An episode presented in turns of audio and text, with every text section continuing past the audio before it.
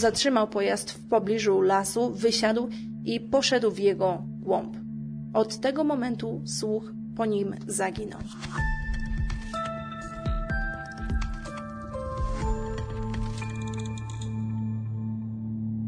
Urodzony 7 grudnia 1965 roku, Christopher Knight dorastał w Stanach Zjednoczonych w centrum Maine.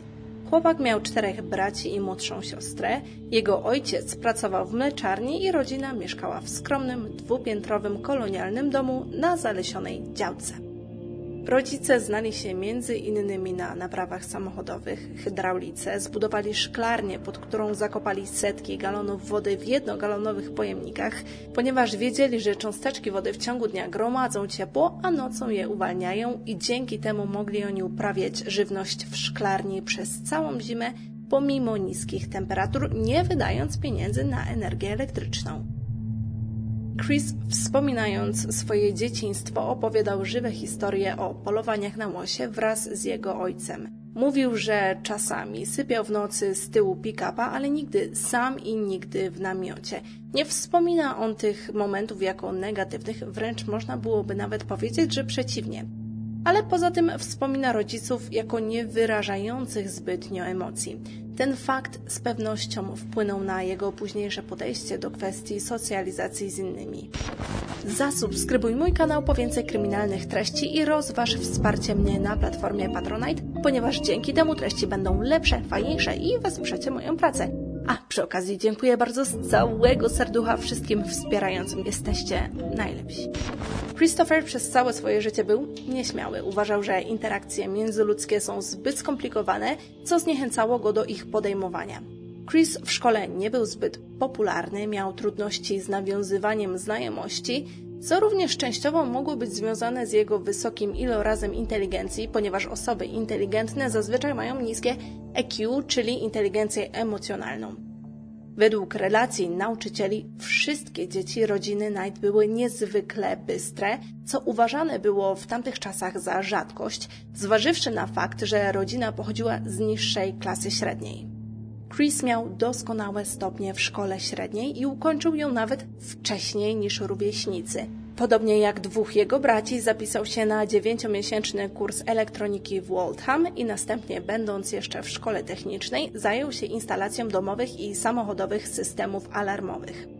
Ta cenna wiedza przyda mu się w dorosłym życiu. Chris w wieku 20 lat pracował niecały rok, instalując systemy alarmowe w domach i pojazdach w pobliżu Bostonu, kiedy nagle, nie powiadamiając o tym swojego szefa, zrezygnował z pracy. Nigdy nawet nie zwrócił swoich narzędzi. Zrealizował ostatnią wypłatę i wyjechał z miasta. Knight nie powiedział nikomu, dokąd się wybiera. Jak sam stwierdził, nie miał kogo o tym informować, ponieważ nie miał bliskich, a współpracownicy zupełnie go nie interesowali. Zostawiając swoje życie za sobą, przemieszczał się wzdłuż wschodniego wybrzeża Ameryki. Jadł fast foody i zatrzymywał się w najtańszych motelach, jakie udało mu się znaleźć. Co skłoniło go do podjęcia tak niespotykanej decyzji? Podróżował tak przez wiele dni, przez co w końcu znalazł się w sercu Florydy. Co planował młody Knight? Kiedy Chris miał 20 lat, prezydentem Stanów Zjednoczonych był Ronald Reagan i doszło też do katastrofy nuklearnej w Czarnobylu. Właśnie o tym wydarzeniu mówiono w radiu, kiedy Chris w końcu zawrócił i skierował się na północ do Maine, gdzie dorastał. Chłopak zrobił to, ponieważ pragnął się pożegnać. Wiedział, że nie pasuje do reszty świata. Najlepiej czuł się we własnym towarzystwie. Wtedy przejechał obok domu, nie zatrzymując się i nadal kierował pojazd, przemierzając inne trasy do momentu, aż prawie skończyło mu się paliwo. Zatrzymał pojazd w pobliżu lasu, wysiadł i poszedł w jego głąb. Od tego momentu słuch po nim zaginął. Ze sobą miał zaledwie namiot i plecak. Był też bez kompasu i bez mapy. Nie wiedząc dokładnie gdzie idzie, zagłębił się w gęstwinę. Co ciekawe, jego rodzina nigdy nie wezwała policji ani nie zgłosiła zaginięcia. Dlaczego? Nie chcieli podobno oni angażować władz, ponieważ zdarzenie to miało zostać w rodzinie. Rodzice przypuszczali, że chłopak po prostu odszedł i nie chcieli się z tym obnosić. Jednak nie akceptowali myśli, że zmarł. Z niektórych źródeł dowiemy się, że rodzina miała wynająć prywatnego detektywa, który jednak nie był w stanie namierzyć młodego Knighta. Las, do którego trafił Chris, był niezbyt dobrze zbadany przez tamtejszą społeczność, więc nawet jeżeli ktoś zdecydowałby się na poszukiwania, fiasko takich mogłoby się okazać bardzo prawdopodobne.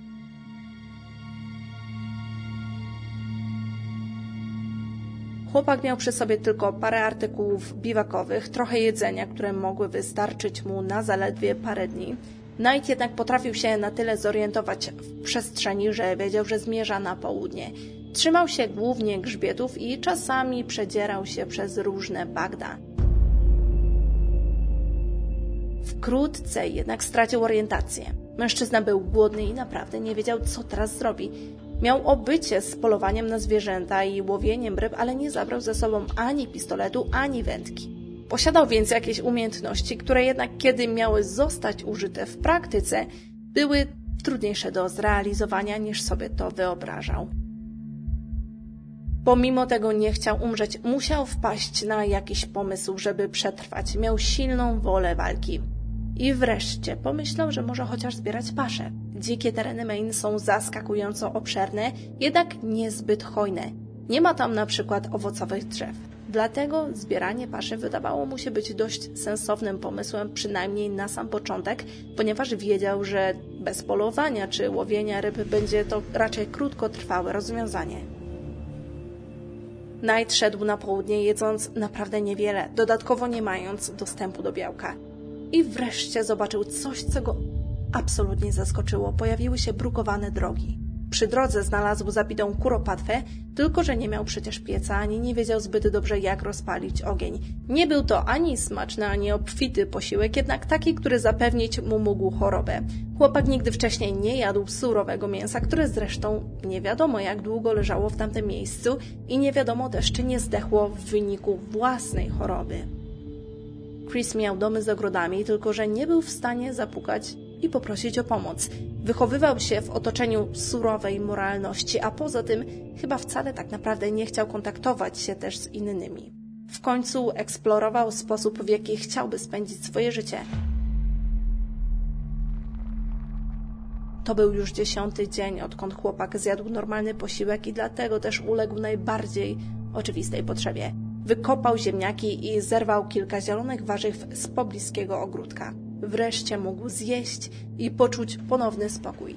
Potem jednak nie zamierzał wracać do domu. W kolejnych dobach noc spędzał w okolicy i nawet raz zasnął w pustym domu. To był jednak pierwszy i ostatni raz, kiedy to zrobił, ponieważ obawiał się, że zostanie złapany. Nie chciał kusić losu. Od tego momentu nie odwiedzał opuszczonych budynków, bez względu na to, czy było zimno, czy padał deszcz, czy grad. Chris nadal przemieszczał się na południe, ale w końcu dotarł do regionu, który był dla niego komfortowy. Knight nie był pewien, gdzie dokładnie się znajduje, ale wiedział, że teraz to będzie jego dom. Co interesujące, okazało się, że od jego rodzinnego domu dzieliło go zaledwie 50 km linii prostej. Jego początkowe życie pośród drzew odbywało się na zasadzie metody prób i błędów. Czasami efekty jego działań były marne, ale wiedział, że teraz wszystko zaczyna na nowo, na nowych zasadach, takich mniej ucywilizowanych. Chris posiadał rozwinięte umiejętności logiczne i kreatywności również mu nie brakowało, dlatego sam montował plandeki, które służyły mu jako dach nad głową albo przechowywał wodę pitną. Któregoś dnia natknął się na region paskudnego kawałka lasu, gdzie nie było żadnego śladu zwierzyny. Chris pokochał to miejsce. Czy to ma sens? Z jego perspektywy tak, ponieważ nie było tam żadnych turystów i mógł bezpiecznie stworzyć sobie tam schronienie. Nie musiał tak bardzo obawiać się o niezostawianie śladów za sobą. Potem odkrył nawet skupisko głazów z ukrytym otworem prowadzącym na maleńką, cudowną polanę. To naprawdę ucieszyło jego oczy i dało mu takie jego swoiste poczucie bezpieczeństwa. Ale pomimo tego, że lubił samotność i styczność z naturą, zaczął sobie zdawać sprawę, że bycie w izolacji jest prawie zupełnie niemożliwe. Chodziło mu raczej jednak o takie wymiary materialne. Knight zauważył, że w domach wokół stawów w centrum Maine nie dbano zbytnio o bezpieczeństwo. Często okna pozostawiano zupełnie otwarte, nawet przy nieobecności ich właścicieli. Dlatego mężczyzna postanowił z tego skorzystać. Na pewno było to łatwiejsze działanie niż polowanie na zwierzaki. W pobliżu jego miejsca pobytu znajdował się też obóz z obfitą spiżarnią i to było idealne miejsce, które mogło zaspokoić jego głód. Najlepszą porą na kradzież według niego była noc w środku tygodnia, w pochmurny czas lub w trakcie deszczu i wtedy też starał się wybierać na łowy. Knight nie chodził po domach i szlakach, nigdy nie przeprowadzał nalotów w piątek ani w sobotę. Poza tym zmieniał swoje metody. Nie chciał wymyślać żadnych własnych wzorców, ponieważ starał się zmniejszyć ryzyko odnalezienia. Ponadto udając się do domów, zawsze wyruszał świeżo ogolony lub ze schludnie przystrzyżoną brodą. Na sobie miał czyste ubrania i zawsze nosił zegarek, który kontrolował jego czas. W końcu Chris zorientował się, że niektóre z domów pozostawiano zupełnie otwarte. Te były najłatwiejsze do obrabowania. Jego działania stały się na tyle odważne, że korzystał z kluczy, które znalazł podczas wcześniejszych włamań. Później ukrywał je obok posiadłości, zwykle pod jakimś kamieniem. W ten sposób stworzył kilkadziesiąt skrytek i miał dostęp do posiadłości na wyciągnięcie klucza. Kiedy jednak do takiego klucza nie miał dostępu, ze sobą nosił zestaw do łamania zamków, torbę sportową z kolekcją śrubokrętów i pilników, które rzecz jasna ukradł wcześniej. Teraz jego koczowniczy lifestyle zamienił się trochę na taki złodziej lifestyle.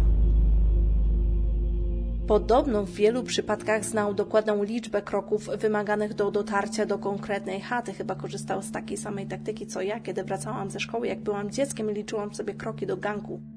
Knight stał się w końcu profesjonalnym złodziejem. Przed napadem przedzierał się na drugą stronę jeziora wypożyczonym kajakiem, który później zwracał. Wypożyczonym mam na myśli oczywiście skradzionym na parę godzin.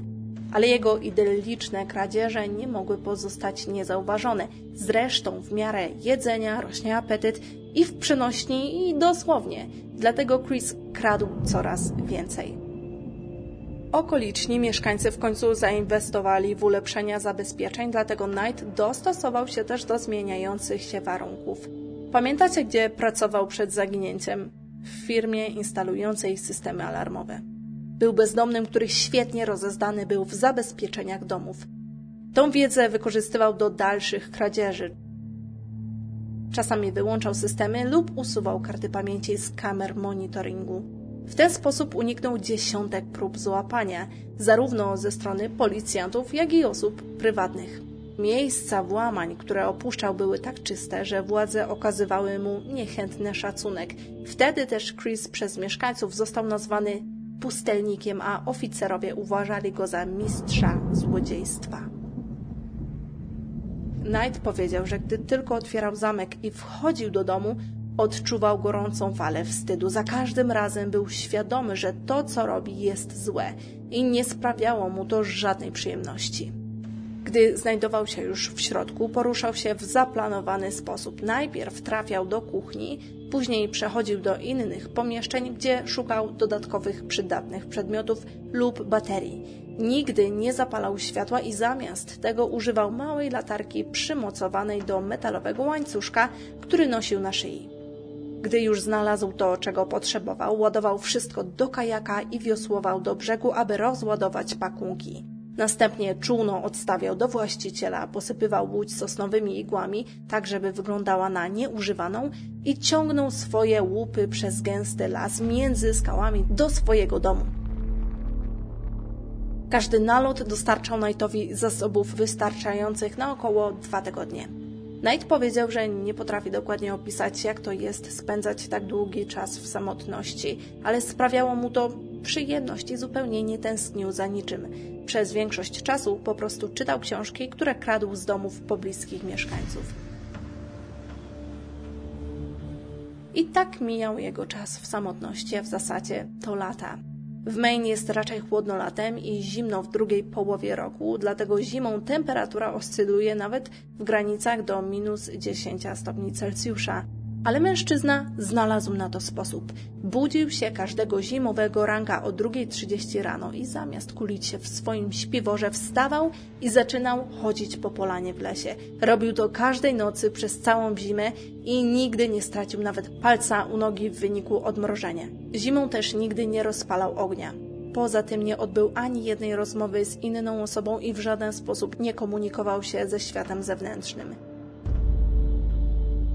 To zadziwia umysł. Jego obozowisko było takim pokojem wyrzeźbionym w środku lasu z idealnie płaską podłogą dzięki magazynom National Geographic, bo Chris wiązał stosy gazet w coś, co nazywał cegłami i zakopywał je pod ziemią na swoim kempingu, aby podłoga była idealnie płaska. Pitną wodę miał stopniejącego śniegu, a gdy potrzebował, korzystał z małej własnoręcznie zrobionej kuchenki. I tak jak wam powiedziałam, mijały lata, ludzie wiedzieli, że w pobliżu grasuje złodziej. Mężczyźnie nadano mityczne imię pustelnik z północnego stawu. I pustelnik ten plądrował nadal okoliczne domy i terytorium. Jednak oprócz artykułów spożywczych, baterii i latarek, zabierał setki, a może nawet tysiące książek. To dopiero dziwny złodziej. Dlatego wreszcie ofiary kradzieży po latach oczekiwania na przełom w sprawie w końcu wzięły sprawy w swoje ręce. Neil Patterson, którego rodzina od 50 lat posiadała miejsce nad stawem, ukrywał się nocami w swoim ciemnym domu, żeby złapać rabusia. Pewnego lata nie spał aż 14 nocy, jednak i to nie pozwoliło mu na złapanie pustelnika. Debbie Baker, której mali synowie bali się złodzieja, aby stłumić ich obawy, zainwestowała w swoim domku w kamerę monitorującą. W 2002 roku ta kamerka zrobiła zdjęcie pustelnikowi i policja natychmiast rozpowszechniła zdjęcie i uznała, że to pozwoli wreszcie na jego aresztowanie. Jednak najwyraźniej się bardzo przeliczyli. Od tego czasu minęło 11 lat. Latem 2012 roku Knight włamał się do domu, w którym spał mężczyzna, właściciel budynku i na podjeździe nie było samochodu, dlatego Knight pomyślał, że dom będzie pusty. Ale był zaskoczony, kiedy okazało się, że domownik wstał z łóżka i zauważył włamywacza. Krzyknął wtedy: Wynoś się stąd do diabła. Przez co Knight wybiegł z domu. Około lutego 2013 roku rybak Tony odkrył Knighta w jego obozie. Było to na dwa miesiące przed zatrzymaniem go przez policję. Mężczyzna obiecał, że nie powiadomi policji o ich spotkaniu. Knight wtedy zapewnił, że nie chce robić krzywdy i po prostu chce zostać i mieszkać sam. Dlatego rzeczywiście ten rybak nie zgłosił tego władzom Maine. Pewnego dnia pustelnik wyruszył z obozu o północy, niosąc swój plecak i torbę z narzędziami do włamań. Była zimna i prawie bezksiężycowa noc, taka idealna na nalot, więc powędrował do letniego obozu Pine Tree z rozstawionymi domkami wzdłuż wybrzeża North Pond. Pustelnik eksperckim ruchem śrubokręta otworzył drzwi do jadalni i wślizgnął się do środka, skanując półki znajdujące się w spiżarni. Znalazł cukierki, które zwinnie wsunął do kieszeni, potem jeszcze opakowanie pianek, dwie mielone kawy, trochę chipsów ziemniaczanych, Humpty Dumpty, hamburgery i bekon. Tak na marginesie to dość interesujące słuchać o groźnym włamywaczu, który kradnie cukierki i chipsy Humpty Dumpty. Pustelnik podczas poprzedniego nalotu do Pine Tree ukradł klucz do drzwi wejściowych, dzięki czemu teraz użył go do otwarcia drzwi z nierdzewnej stali. Mężczyzna jednak nie zdawał sobie sprawy, że za maszyną do lodu zainstalowany był czujnik ruchu. Urządzenie milczało w kuchni, ale uruchomiło alarm w domu sierżanta Terego Hughesa, który miał obsesję na punkcie schwytania tego złodzieja. Hughes mieszkał mile dalej, dlatego jak najszybciej pognał do obozu i w końcu wylądował na tyłach jadalni. Zajrzał przez okno i w świetle księżyca wpadającego przez okna zobaczył osobę kradnącą jedzenie. Tylko, że Terry nie spodziewał się tego, że złodziej będzie czystym mężczyzną ze świeżo ogoloną twarzą. Pustelnik nie był aż takim pustelnikiem. Nosił okulary i wełnianą narciarską czapkę. Czy to czasami nie pomyłka? Może to wcale nie był pustelnik? Hughes po kryjomu skorzystał z telefonu komórkowego i poprosił stację policyjną o powiadomienie Diane Perkins, która również polowała na pustelnika. Zanim Perkins zdążyła tam dotrzeć, włamywacz z pełnym plecakiem ruszył w kierunku wyjścia. Hughes zrozumiał, że gdyby mężczyzna wszedł do lasu, mógłby już nigdy nie zostać odnaleziony. Była pierwsza 30 nad ranem 4 kwietnia 2013 roku, kiedy włamywacz wychodził z jadalni i Hughes zdecydował się na atak. Terry oślepił mężczyznę latarką. Prawą ręką wycelował metalowym sprzętem w jego twarz i krzyknął na ziemię. Złodziej nie stawiał oporu i położył się twarzą w dół. Wtedy cukierki, które wcześniej zabrał, wypadały mu z kieszeni. Wkrótce na miejsce przybyła też Diane i włamywacz został skuty kajdankami. Funkcjonariusze zapytali o jego imię, jednak nie otrzymali żadnej odpowiedzi.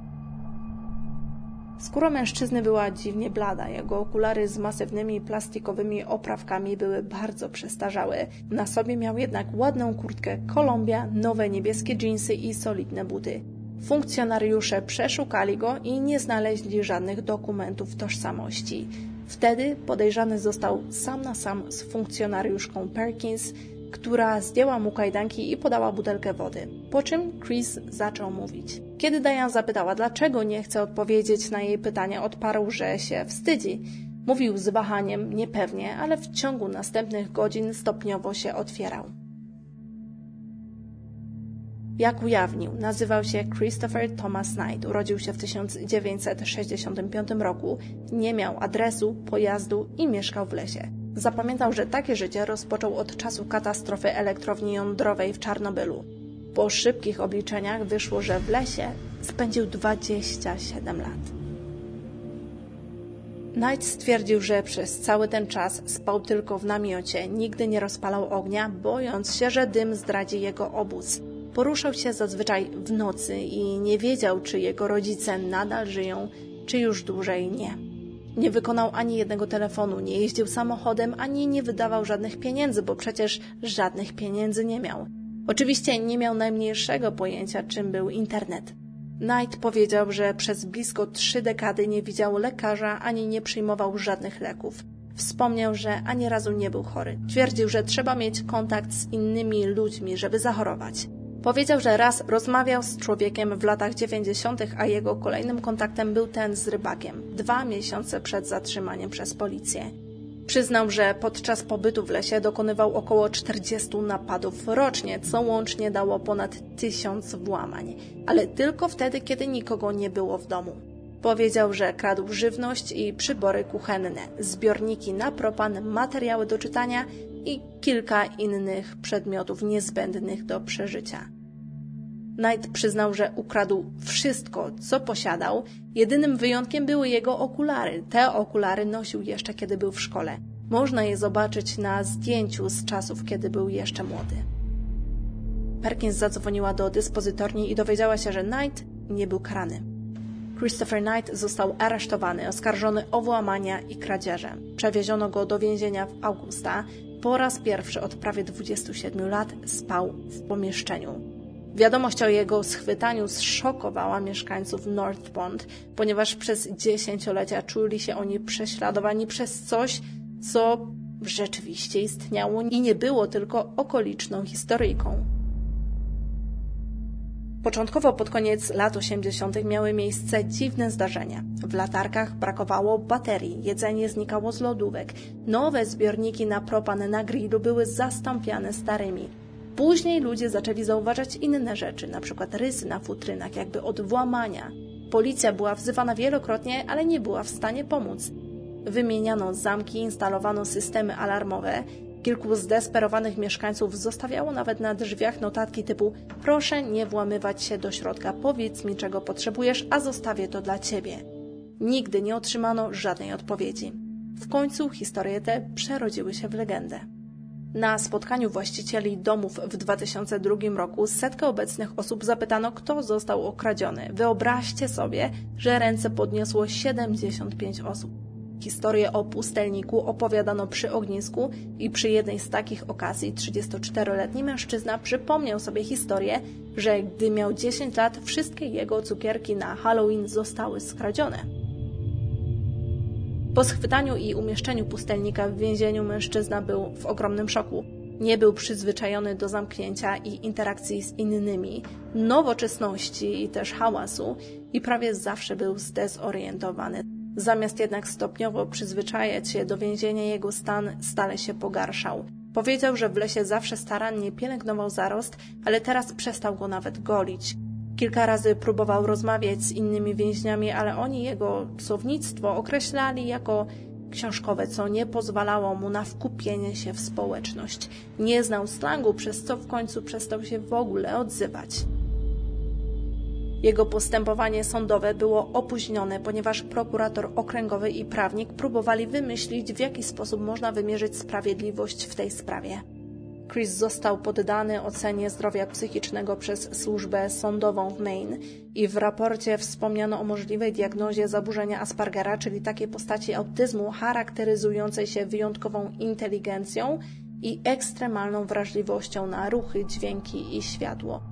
Chris jednak wydawał się być niewzruszony tą diagnozą. W wyniku przebiegu sprawy sądowej Chris został skazany na zaledwie 7 miesięcy więzienia. Oprócz wyroku więzienia, Knight miał zapłacić ofiarom 2000 dolarów zadośćuczynienia, ukończyć program sądowy dotyczący współwystępujących zaburzeń. Nawet prokurator powiedział, że dłuższy wyrok byłby dla niego okrucieństwem. Knight, będąc w więzieniu, opisywał jeszcze głębokie obawy etyczne dotyczące popełnionych włamań, mówiąc, że kradzież jest zła. Po zwolnieniu Knight spotykał się z sędzią co tydzień, unikał alkoholu i zaczął pracę u swojego brata. Dzisiaj prowadzi spokojne życie, tym razem już w swoim ciepłym mieszkaniu. Dziennikarz Michael Finkel spotykał się z Knightem podczas dziewięciogodzinnych sesji, gdy ten był jeszcze w więzieniu i taka właśnie była geneza pierwszej książki The Stranger in the Woods, opublikowanej w marcu 2017 roku. Na podstawie fragmentów tej książki powstał scenariusz właśnie do tego odcinka.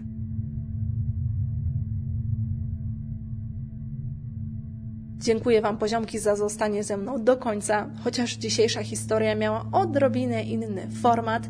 Mam nadzieję, że była ona dla Was angażująca. Poza tym jestem ciekawa, jaka jest ulubiona książka Chrisa i jaka jest Wasza ulubiona książka. Dajcie znać, ponieważ może dzielimy te same gusta, a może polecicie mi coś fajnego na wiosenne wieczory. Do zobaczenia w następnym odcinku. Ciao! Beijos!